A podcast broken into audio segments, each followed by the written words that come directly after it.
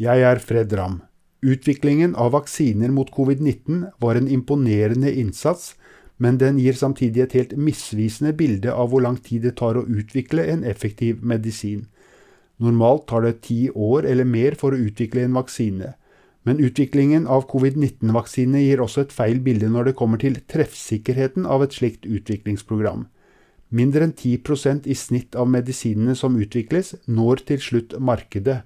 De siste tallene fra BioOrg viser at utviklingen av et medikament fra fase 1 til godkjenning tar i gjennomsnitt 11 år, og av alle medikamenter som utvikles, er det bare 7,9% som til slutt blir godkjent for bruk.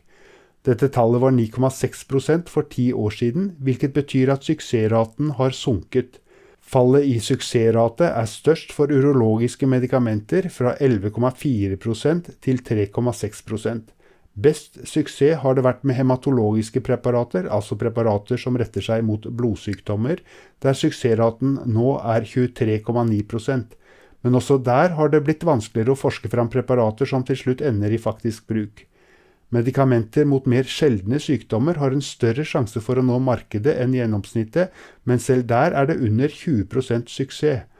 Og veldig mange av medikamentene blir først stanset i den siste fasen, altså under kliniske forsøk.